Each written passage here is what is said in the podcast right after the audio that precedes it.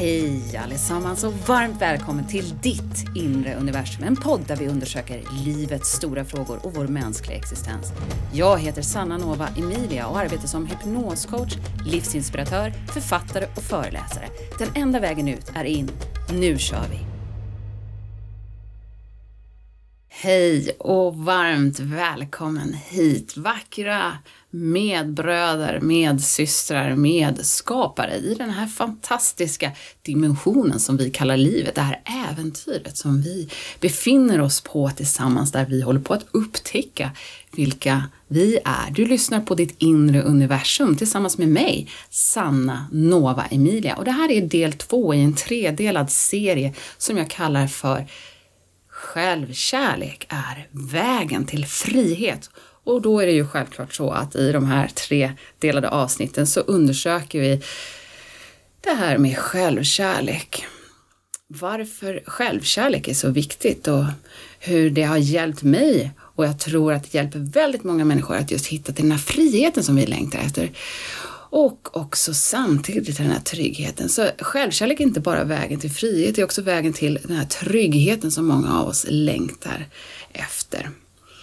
I ett tidigare avsnitt så har vi vidrört lite olika punkter, bland annat det här med att tysta våran inre kritiker. Eh, och nu så kommer vi vidare till ytterligare sju av mina absolut bästa tips för hur du kan växa i din egen Kärlek.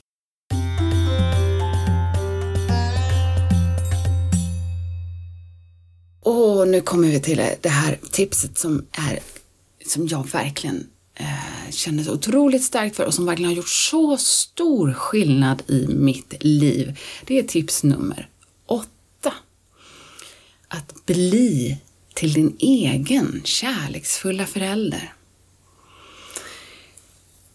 Tidigt i livet så förstår ju vi att som små, små nyfödda barn hit till den här världen så förstår vi att vi måste hålla oss god med de här människorna som finns runt omkring oss för att vi ska bli älskade och uppskattade och för att vi faktiskt också kort och gott ska överleva. Det här gör att vi lätt slussas in i ett tillstånd där vi lätt utplånar oss själva för andra och anpassar oss själva efter alla andras behov och glömmer lyssna till våra egna behov. Eh, och dessutom så har många av oss, eftersom vi har vuxit upp i en värld som använder sig av ett språk som är ganska kritiskt dömande och värderande, det språk som kallas för också för varje språket, så har vi vuxit upp många gånger till en ganska kritisk och dömande och jämförande och värderande värld. Och på många sätt så har vi kanske inte heller fått så mycket av den kärlek. Många av oss har inte fått så mycket av den kärlek som vi faktiskt längtar efter, som vi hade behövt. Kanske det här stödet och den här eh, uppskattning som vi hade önskat det betyder inte att det finns någon att döma eller straffa för det här, för att våra föräldrar och våra vårdnadshavare och alla de som fanns runt omkring oss under vår uppväxt, de har gjort sitt absolut, absolut bästa utifrån sina egna förutsättningar, utifrån sin egen förmåga att älska sig själva. Men om vi lever kvar i det här sårade lilla barnet som hade behövt få så mycket mer kärlek från omvärlden och fortsätter att jaga den här kärleken ifrån omvärlden, så blir livet ofta till en kamp och en jakt efter någonting som är för att fylla ett tomrum inom oss som vi aldrig egentligen lyckas genom att försöka fylla det utifrån. Eh, så att bli till sin egen kärleksfulla förälder, det innebär ju då att bli till den här personen som kan ge oss själva, att kan ge vårt eget lilla barn här inuti av den här kärleken. En sund förälder älskar ju givetvis sitt barn villkorslöst. Givetvis kan vi också bli väldigt galna på våra barn. Jag, jag har eh, två barn som jag har blivit galen på många gånger men som jag också står där och älskar var villkorslöst rakt igenom allt. Jag har en son som är 19 år och en dotter som är 15 år och det här, de har verkligen lärt mig så mycket om mig själv och vikten av att också älska mig själv villkorslöst. Egentligen var det i mötet med mina eh, barn som jag för första gången fick kontakt med den här känslan av villkorslös kärlek. Så våra barn är verkligen våra vägvisare och läromästare när det gäller att växa i vår egen kärlek och den här villkorslösa kärleken. Så en sund förälder står ju givetvis där och älskar sina barn villkorslöst. Även om vi blir galna på dem ibland så, och, så spelar det ingen roll hur många gånger de går vilse på vägen eller eh, hur lång tid det tar för dem att lära sig att läsa eller hur många gånger de än ramlar på vägen så står vi där ständigt med den här brinnande facklan i vår hand och välkomnar våra älskade barn hem. Vi dömer dem inte och vi förbannar dem inte förutsatt att vi då är sunda föräldrar. Så det här är också då ett sätt att börja förhålla oss till oss själva. För all den här kärleken som du själv kanske saknade när du var lik liten, vilket också då bidrog till att det, att det var svårt för dig att lära dig att älska dig själv. Det har, all den kärleken har du nu möjlighet att ge till dig själv. Du kan bli till din alldeles egna kärleksfulla förälder och ge till dig av den kärlek och den förståelse och den uppmärksamhet, uppskattning och omsorg som du alltid har haft rätt till och förtjänat.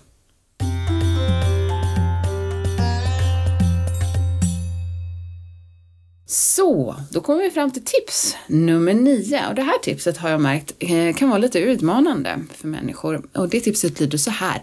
Släpp all form av fördömande.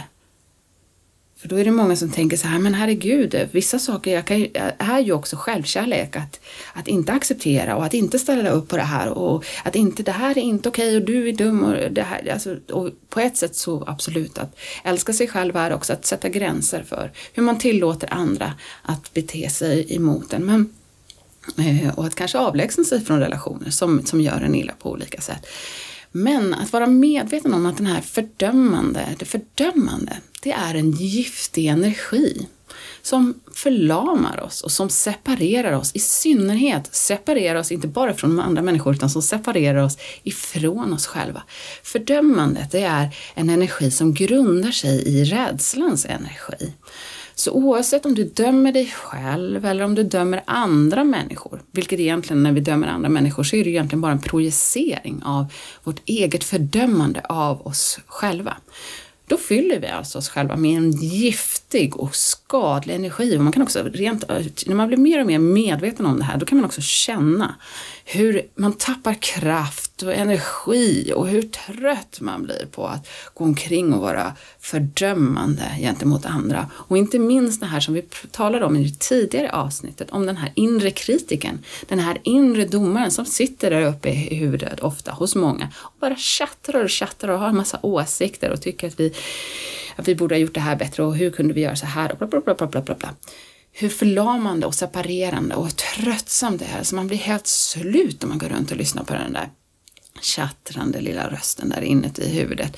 Men dess, och det är att bara förstå att det är en väldigt tung, tung energi att släppa runt på, fördömandets energi. Så att göra dig själv mer medveten om när du befinner dig i det här fördömandets energi och då att ändra dina tankar till, till att bli mer tankar av medkänsla.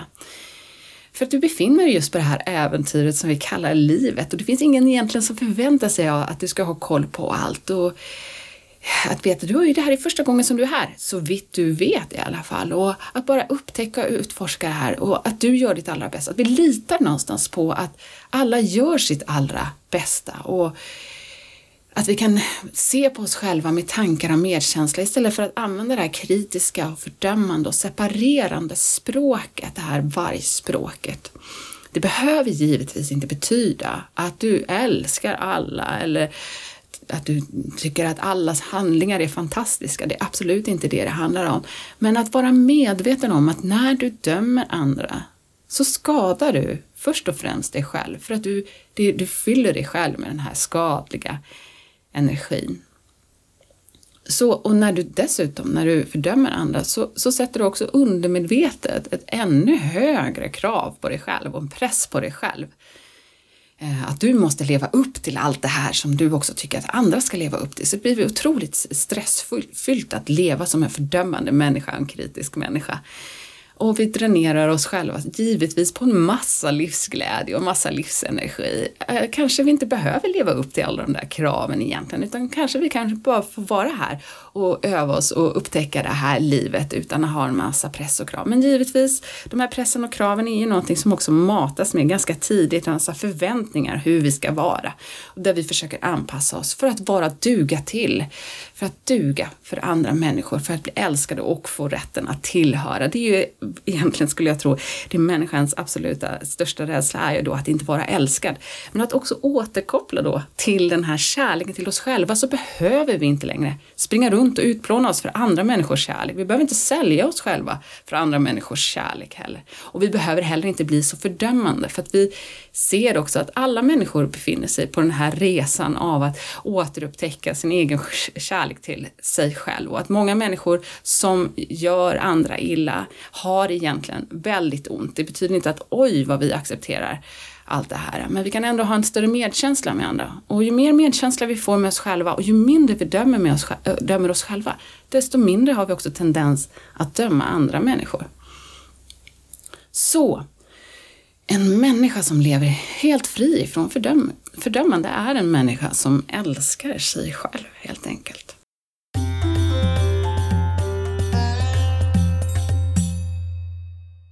Då, mina älskade systrar och bröder där ute, då har vi kommit till ytterligare en punkt och vi har redan berört den här egentligen lite grann. Det här punkt nummer 10, tips nummer 10 i hur vi växer i vår egen självkärlek. Det är att öva dig på självmedkänsla och på att vara din egen bästa vän. För många gånger dömer vi oss själva hårdare än vi skulle döma vår egen bästa vän.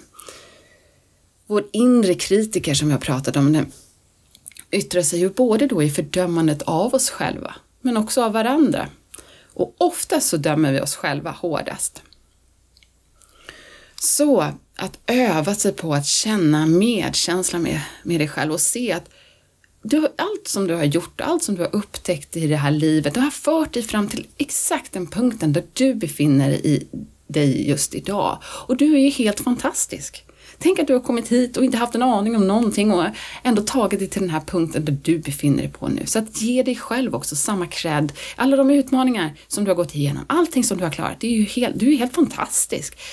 Eh, och att ge dig själv faktiskt också samma cred och uppmuntran som du skulle ge till din allra allra bästa vän. Du skulle inte sitta och kritisera och klaga och skälla på din allra bästa vän på samma sätt som du troligtvis ibland gör på dig, eh, för dig själv.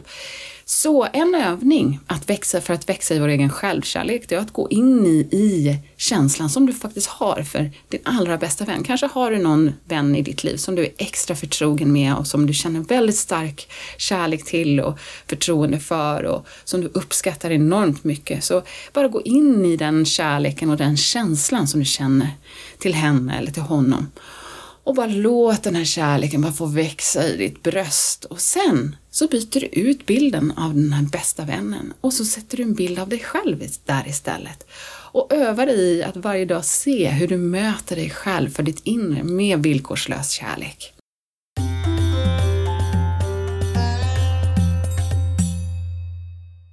Så, älskade vänner, då kommer vi till nästa punkt. Nästa tips. Och det är nummer 11. Odla och fördjupa dina barnegenskaper. Och det här med barnegenskaper, det tycker jag är så ett fantastiskt vackert begrepp eh, som jag bland annat har pratat en hel del om när jag har varit ute på mina föreläsningar. Men som jag också nämner i min bok Att lära med hjärtat när kunskap och värde blir ett. När jag har varit ute på mina föreläsningar då brukar jag säga så här, eh, åh vad tänker ni på? Vad tänker ni på när, när jag säger barnegenskaper? Och så räcker människor upp handen och jag får alltid samma svar. Då tänker människor på glädje och på närvaro, kreativitet och livsenergi och autenticitet eller att vara sanna och äkta och spontanitet. Och tillit och villkorslös kärlek och intuition. En massa sådana här egenskaper som vi då uppenbarligen förknippar med barn. Villkorslös kärlek som sagt, ett, ett barn, det finns ingenting fördömande inom dem utan de lever den här villkorslösa kärleken. Det spelar ingen roll om om du luktar svett eller om du har okammat hår. De bara älskar dig för att du finns där i deras existens. Åh, så när jag frågar då den här frågan, det tycker jag är så fascinerande. Barnegenskaper, vad tänker ni på då? Jag och alla tänker på exakt samma saker. Och det mest fascinerande med det här, det är ju att det egentligen inte är några barnegenskaper, utan att det är mänskliga medfödda med egenskaper som av olika anledningar sen förvanskas på vår väg ut i livet. Alltså egenskaper som är våra medfödda och som vi sen då tappar av olika anledningar. Och jag skulle säga att det är att vi tappar dem just för att vi försöker anpassa bort oss själva för att bli älskade och uppskattade och få tillhöra i den yttre världen. Att vi blir det som jag brukar kalla också för utifrånstyrda istället för inifrånstyrda. Så, och sen när vi blir vuxna då växer vi upp och så får vi gå en massa kurser för att försöka hitta tillbaks till det här. Vi får gå en kurs i mindfulness för att kunna känna närvaro, vilket är naturligt medfött Eh, kunskap och vi får kurser för att stärka vår självkärlek och vår självkänsla, vilket är någonting som är också någonting medfött. Ett litet barn känner ju aldrig något så här, oj, undrar om jag är värdefull eller inte, för det, det är någonting det lär sig att känna. Ett barn föds hit i full tillit till att jag är, jag är älskad, eller det ställer sig inte ens den frågan. De bara känner sitt eget värde. Så sen får vi eh, lära oss den här jämförande och värderande och fördömande Eh, och det här är ju då som sagt eh, inte några barnegenskaper, men ju, med, eh, utan medfödda mänskliga egenskaper. Och så finns det andra kurser vi springer på. Eh, till exempel skrattyoga eller andra sätt så där vi ska försöka få tag i de här egenskaperna igen som egentligen är då våra, eh, vår, vår rätt, vår livsrätt. Och ju mer vi då åter börjar bejaka de här delarna i oss själva igen, desto mer så återknyter vi ju då också till vår självklara självkärlek, den här som vi föddes med. Så att odla och fördjupa våra barnegenskaper. Det är någonting som verkligen stärker också vår självkärlek och vår, vår dans med livet, vår kärlek till livet, att vi liksom öppnar famnen för att ta emot det här fantastiska livet. För det är också någonting, just när, det, när vi kommer till det här med barnegenskaper och det är ju det, jag brukar också prata om när vi delar in känslor i negativa känslor och positiva känslor, då pratar vi också ofta om att vissa känslor är mindre accepterade, till exempel ilska eller irritation eller frustration och allt sånt där. Nu är det ju så att eh, alla känslor egentligen kommer med olika budskap till oss, så att alla känslor är egentligen helt fantastiska. Men ur det perspektivet att vi delar in våra känslor i negativa och positiva känslor, så är det inte heller alla positiva känslor som alltid är välkomna heller. Jag minns det att jag själv var ett otroligt livligt, energifyllt barn. Det är inte okej att skratta precis när som helst och bara Eh, bara vara livlig och, och ta emot liv, livet så, utan vi har liksom fått lära oss att nej, nu ska du sitta tyst och stilla och du får inte skratta för mycket sh, sh, så här och så vidare. Så att vi har också fått lära oss att dämpa hela den här livsenergin och livsglädjen och livs, livsglöden och livsglädjen. Oj, det var väldigt lika ord. Ja, men att vi har verkligen fått dämpa det här i oss själva, men att också återigen bejaka det här. Tillåt din energi att få flöda ut igen. Tillåt dig att bara få skratta tills du viker i dubbelt och kissar på dig. Tillåt dig att bara få ge uttryck för all den här livsglädjen som också finns där inom dig. Så, det är en del av att bejaka våra livsegenskaper. Ni vet ju hur barnen är, de är bara så fyllda av den här glädjen, de bara skrattar till och från. De är fyllda med närhet i kontakt med sina känslor, givetvis också. Eh, fler känslor än bara glädje, men ändå. Att tillåta den är också att tillåta att vara kärleksfull mot sig själv.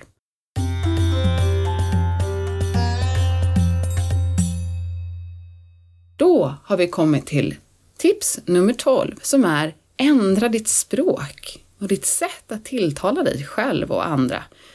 Och det här var någonting som jag dels var inne på i det första avsnittet och som jag också har nämnt lite här. När vi kommer hit till den här världen så får vi lära oss ett språk. Och utan att vi lär oss det här språket så hade vi inte ens kunnat tänka de, riktigt de tankar som vi tänker. Eh, och vi har fått lära oss ett språk som är ganska kritiskt och dömande och jämförande med ord som bra och dåligt, rätt och fel, ont och gott. Ett språk som är allmänt värderande och jämförande eller uppfordrande och krävande att du måste och du borde och så vidare. Det här språket kallas då för vargspråket inom det som heter non-violent communication. Så ett sätt att att faktiskt börja älska sig själv mer, det är att börja använda ett mer kärleksfullt språk till oss själva, ett kärleksspråk. Att eh, tala vänligt till oss själva och att istället då Eh, öva oss kanske lite mer i det som kallas för giraffspråket och det är någonting som du kan undersöka mer. Och börja mer successivt utesluta alla de här jämförande, uppfordrande, kritiserande, döma, dömande orden ur vårt eget vokabulär. Och istället då inom non-violent communication, eh, NVC, så jobbar, vi oftast, eller så jobbar man oftast istället med att kommunicera jag-budskap och våra önskemål och känslor och behov. Istället för att du är dum och hur kan du göra så, du måste göra det här och du gör aldrig det där så kan vi istället kommunicera ur vår e våra jag-budskap. Jag känner så här och jag upplever det här och jag önskar det här och nu blir jag rädd och jag skulle behöva det här. För att vi människor, vi är egentligen fantastiska. Vi vill stötta och hjälpa varandra. Men när vi känner oss kritiserade och dömda, då, då går vi i försvar och då uppstår oftast konfrontationer och krig emellan oss. Eh, och inte minst i vårt inre. Så att bli medveten om hur låter din inre röst, som vi pratade om i det tidigare avsnittet.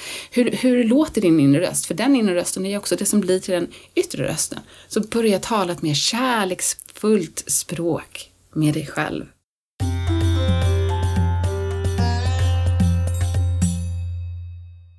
Nu har vi kommit till tips nummer 13. Det här är också ett bra tips. Alltså, jag tycker ju alla de här tipsen är bra såklart. Eh, det är ju saker jag själv har kommit fund med längs min resa, hur viktigt det har varit eh, att växa i den här självkärleken. Och ett av de tipsen är då att sluta ta saker och ting personligt. Det här jag talar helt och hållet utifrån mig själv här nu. För en person som inte älskar sig själv har, en, har oerhört lätt för att bli självcentrerad till följd av den här osäkerheten och den här skadade självkänslan, rädslan att inte duga och rädslan att, att inte vara omtyckt, att inte vara älskad. Och då hamnar vi väldigt, väldigt lätt i tankar om att andra människors handlingar eller icke-handlingar, att det kretsar runt oss.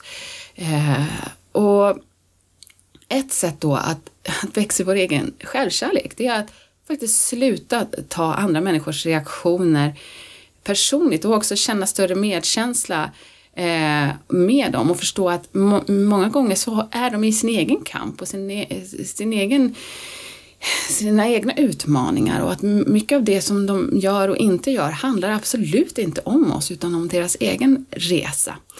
Men våran inre kritiker, den här inre domaren som jag har pratat om tidigare, den har en väldigt, väldigt livlig fantasi och den har otroligt lätt för att hitta på eh, tankar och idéer om att andra gör som de gör för att vi har gjort något fel. Och det här är ju det lilla sårade, rädda barnet egentligen som, som reagerar på det här sättet. Um, men att vi, när vi slutar att utgå ifrån att, att andra beter sig som de gör för att vi har gjort något fel och istället utgår ifrån att alla människor gör sitt allra bästa och så kan vi också känna mer nyfikenhet och kanske ställa frågor eh, eh, till andra istället för att ta för givet att deras sätt att bete sig har med någonting som vi har gjort att göra. Och det är ett väldigt praktiskt och bra sätt för att undvika en massa onödiga missförstånd och också faktiskt att bli till mer medkännande människor.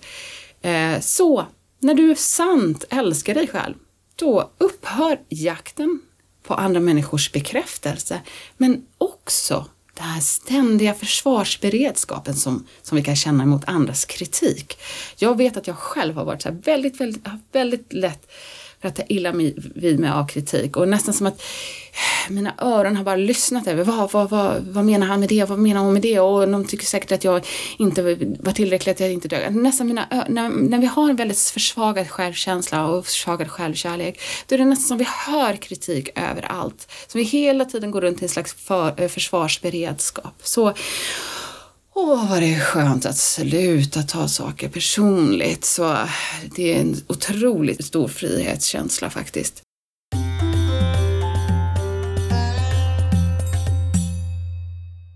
Då, vackra vänner, medbröder och medsystrar ut i den här fantastiska existensen, då har vi kommit till det sista tipset just i det här avsnittet. Tips nummer 14 som är att Ta ansvar för dig själv och din energi. Ah, ja, innan det här, det här är också alltså, alla mina tips är förvisso mina egna favoriter, eh, annars så skulle jag inte tipsa om dem. Men det här, det här är verkligen ett tips som jag har gjort så stor skillnad för mig i mitt liv. För innan en människa har lärt sig att fullt ut älska sig själv, då har vi en tendens att pendla mellan fyra arketypiska roller psykologiskt arketypiska roller, de här rollerna har vi inom oss alla på ett eller annat sätt och då pendlar vi mellan offer, förövare, domare och räddare. Offret är den som, som gör sig själv mindre än andra och förövaren kan vara den och, och domaren och räddaren kan vara den som ställer sig över andra. Och vår, när vi går in, växlar mellan de här olika rollerna som vi som sagt alla gör på ett, vi kanske har en favoritroll som vi går in i. Eh, så, men eh, vi växlar oftast mellan alla de här fyra. Och när vi växlar mellan de här fyra rollerna som alla består av den gemensamma energin och utgår från den gemensamma energin rädsla då blir oftast livet till en ständig och omedveten jakt. Egentligen så det, blir det en ständig omedveten jakt efter den här kärleken som vi då inte känner för oss själva. Och det gör att vi genom att spela de här olika rollerna försöker att få andra människors energi eftersom vi inte är självgenererande på energi. När vi lär oss att älska oss själva villkorslöst. Det här är ju så fantastiskt. Då blir vi självgenererande på energi. Då behöver inte vi hela tiden ha den här yttre bekräftelsen eh, eller försäkra oss om andra människors kärlek och uppskattning eh, för att få energi. Och vi behöver inte heller då eh, kämpa för att få den här energin genom att till exempel ställa oss under, eh, göra oss själva till offer. Det är ett sätt att försöka få energi från vår om, omgivning. Eller att ställa oss över andra som föroffare, för, föroff, Ja herregud, det var ett nytt ord som jag upptäckte. Ett föroff, föroffare. förövare, förövare, domare och räddare. Det, det är då i den här hierarkiska strukturen som vi också har lärt oss att leva i. Att, att det finns de som står över och under och det här stämmer ju inte. Vi är ju alla likvärdiga och när vi verkligen kan förstå det här och när vi förstår vårt eget sanna värde, det är där allting börjar. När du förstår ditt eget sanna värde, när jag förstår mitt eget sanna värde, då vet vi att vi är likvärdiga. Då, då finns det inte de här hierarkiska strukturerna där det är någon som står över eller under. Men så länge jag inte känner att jag har tillgång till min egen kärlek utan måste någonstans få energin utifrån, då, spelar, då är det lätt att jag spelar de här olika rollerna. Och förövaren, domaren och räddaren är då den som ställer sig över och får energi från andra genom att ställa sig över. Och offret är den som ställer sig under och i den här hierarkiska strukturen och försöker få energi ifrån andra. Men då när det här maktspelet upphör, då vet du att du är helt och, helt och hållet ansvarig för din egen energi och du vet att du alltid har ett val också. Att, vad du fyller dig själv med för energi genom vart du riktar ditt eget fokus. För så är det. När jag säger att ta ansvar för dig själv och din energi, då handlar det om att vi behöver inte vara i situationer eller i relationer som förminskar oss eller där vi förminskar oss själva. Utan vi, vi allt som vi fyller, alltså allt som vi tar in med våra sinnen, antingen med vår blick eller med våra, våran, våran känsel eller alla våra sinnen, vår hörsel, på, även det som vi äter. Eh, och all, allt som vi tar in är ju på ett sätt en energi som förändrar vår, vår egen energi. Allt som vi konsumerar, allt som vi konsumerar i form av nyheter eller intryck och även alla de människor som vi omger oss med påverkar vår egen energi. Så att faktiskt ta ansvar för din energi, det är att ta ansvar för allt som du stoppar i din kropp, allt som du konsumerar. Du behöver inte titta på nyheter, du behöver inte ta del av allt det där yttre dramat. Om det får dig att tappa din energi eller känna dig försvagad och maktlös, då är det inte till för dig. Det är, inte, det är ingenting som gör dig någonting gott. Och att verkligen ta ansvar för sin energi fullt ut är, är att välja vad vi fokuserar på, vad vi riktar vår uppmärksamhet emot och våra tankar och våra känslor. Eh, och att mer och mer göra sånt naturligtvis som får oss att må bra och lyfter vår energi och stärker vår energi. För det är många som säger så här, åh jag vill så gärna må bra och så fortsätter ändå att göra saker som de uppenbarligen vet att de inte mår bra av och det här kan vara den här lite inre konflikten inom oss människor. Att vi också har en undermedveten känsla av att vi kanske inte fullt ut är värda att må bra, men det vet vi nu att vi är. Du vet att du är värd att må bra. Och när du vet det så kan du också få välja allt det som fyller dig med massa positiva känslor. Både situationer och relationer och du kan också göra saker som är bra för dig. Helt enkelt, kort och gott, om du vill ha mer kärlek i ditt liv, var mer kärlek. Allting börjar med att vara den här kärleken till dig själv. Och vi kan använda det här som jag har pratat om tidigare, omvärlden till en spegel. Om vi känner att den här världen utanför oss känns väldigt kärlekslös, och då kan vi garanterat till 100% veta att det finns någonstans där inuti där vi brister i vår egen kärlek till oss själva och det är den vi kan börja bygga på för att sen skapa en mer kärleksfull värld. För vi kan inte begära av någon annan att ge oss av en kärlek som vi inte ens kan ge till oss själva. Så vackra människa och medskapare i den här häftiga existensen kallad livet. Tack, innerligt varmt tack för att du har lyssnat på det här andra avsnittet av självkärlek i vägen till frihet. Och jag hoppas att vi hörs alldeles snart igen och att du också fått med dig någon form av inspiration som kan hjälpa dig att växa i din egen självkärlek så att du kan leva så fri som du föddes. Tack vackra du för att du har lyssnat och jag hoppas att vi hörs igen. Ha det så underbart och all självkärlek till dig.